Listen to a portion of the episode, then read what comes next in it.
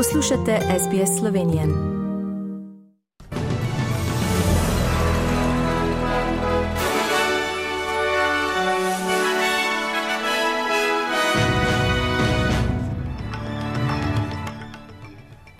V poročilih 5. novembra 2022. Osebje IDF napoteni v mestu Forbes v New South Walesu pred pričakovanimi poplavami. Nekdani pakistanski premier govoril iz bolnišnice po poskusu njegova življenja in v Sloveniji se je upadanje brezposobnosti oktobra prekinilo.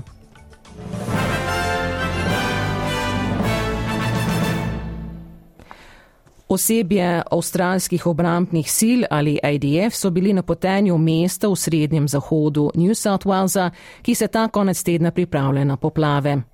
Približno 50 oseb iz IDF je bilo poslanih v Forbes, ki čaka, da bo reka Lockland danes mogoče dosegla 10,8 metrov, ki je ni bilo od leta 1952.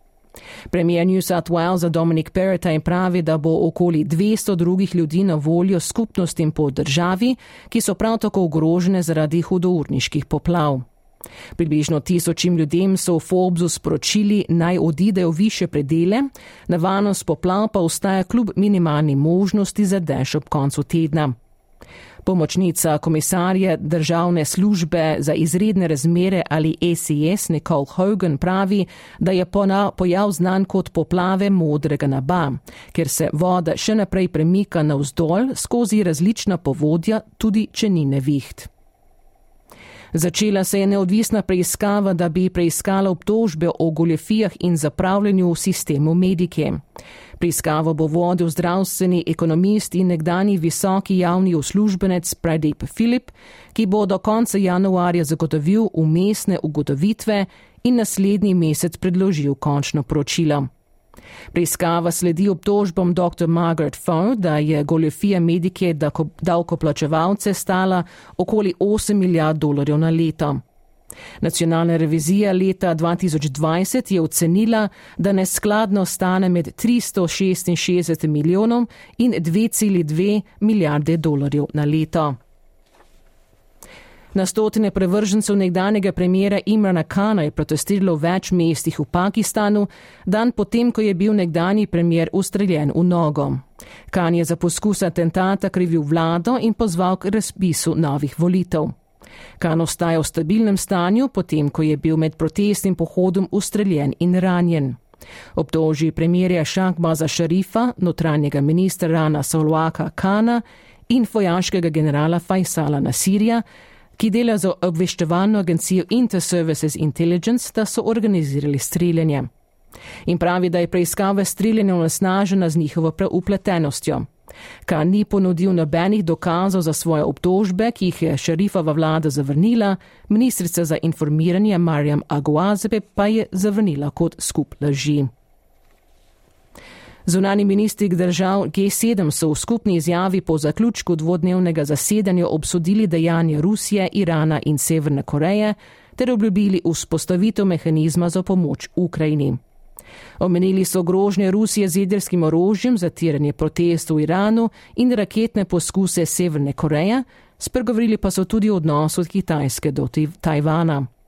Nemška zunanja ministrica Annalena Bayerbach je dejala, da skupine G7 držav eh, trdno podpirajo Ukrajino.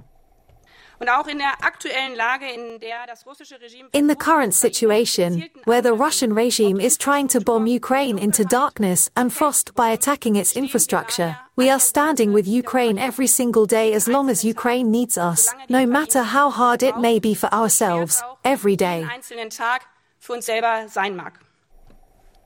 Predsednik Republike Slovenije Borut Pahor pa je ob 1. novembru, dnevu spomine na mrtve, na srednji državni spominski slovesnosti položil venec pred spomenikom vsem žrtvam vojn in z vojnami povezanimi žrtvam na kongresnem trgu Ljubljani. Slovesnost sta salvami iz pušk pospremila garda slovenske vojske in zvok trobil policijskega orkestra. Ob robu slovesnosti je predsednik Pahor izjavi za medije izrazil upanje, da bo spomenik svojo sporočilnostjo nagovarjal bodoče redove slovencev v smeri, da se vojne in z njimi povezani dogodki ne smejo več ponoviti. V Sloveniji pa je se je upadanje brezposobnosti oktobra prekinilo. Na Zavodu za zaposlovanje je bilo konec meseca prijavljenih 52.991 iskalcev zaposlitve, kar je 1,8 odstotka več kot septembra in 20,5 odstotka manj kot oktobra lani. Oktobra se je prijavilo večje število iskalcev prve zaposlitve, več kot trikrat več kot septembra, so mesečno raz pojasnili na zavodu.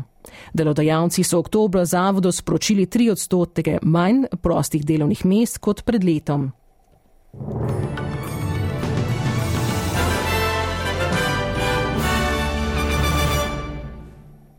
Pregledno tečajne liste in vreme. Za ameriški dolar boste odšteli 1 dolar in 55 centov, za evro 1 avstralski dolar in 54 centov. In še napovedi vremenske slike za nedeljo po Avstraliji. V Brisbonu bo občasno drževalo 26 stopinj, v Sydney bo sončno 23, v Cambridge bo občasno drževalo 22, v Melbournu občasno bo uh, delno oblačno 25, v Hobartu bo delno oblačno 22, v Adelaidi bo po večini sončno 27, v Pertu bo po večini sončno 28 in v Darwinu bo deževalo do 35 stopinj Celzija. Vremenaslovci v Sloveniji napoveduje, da bo danes na zahodu po večini sončno, na primorskem bo pihala šipka do zmirna burja, drugod bo zmirno, na vzhodu pretežno oblačno. V jugovzhodni Sloveniji bo zjutraj in do povdne občasno še rahlo deževalo. Najviše dnevne temperature bodo od 10 do 14, na primorskem do 17 stopinj Celzija. In to so bila poročila medijskih hiš SBS in STA.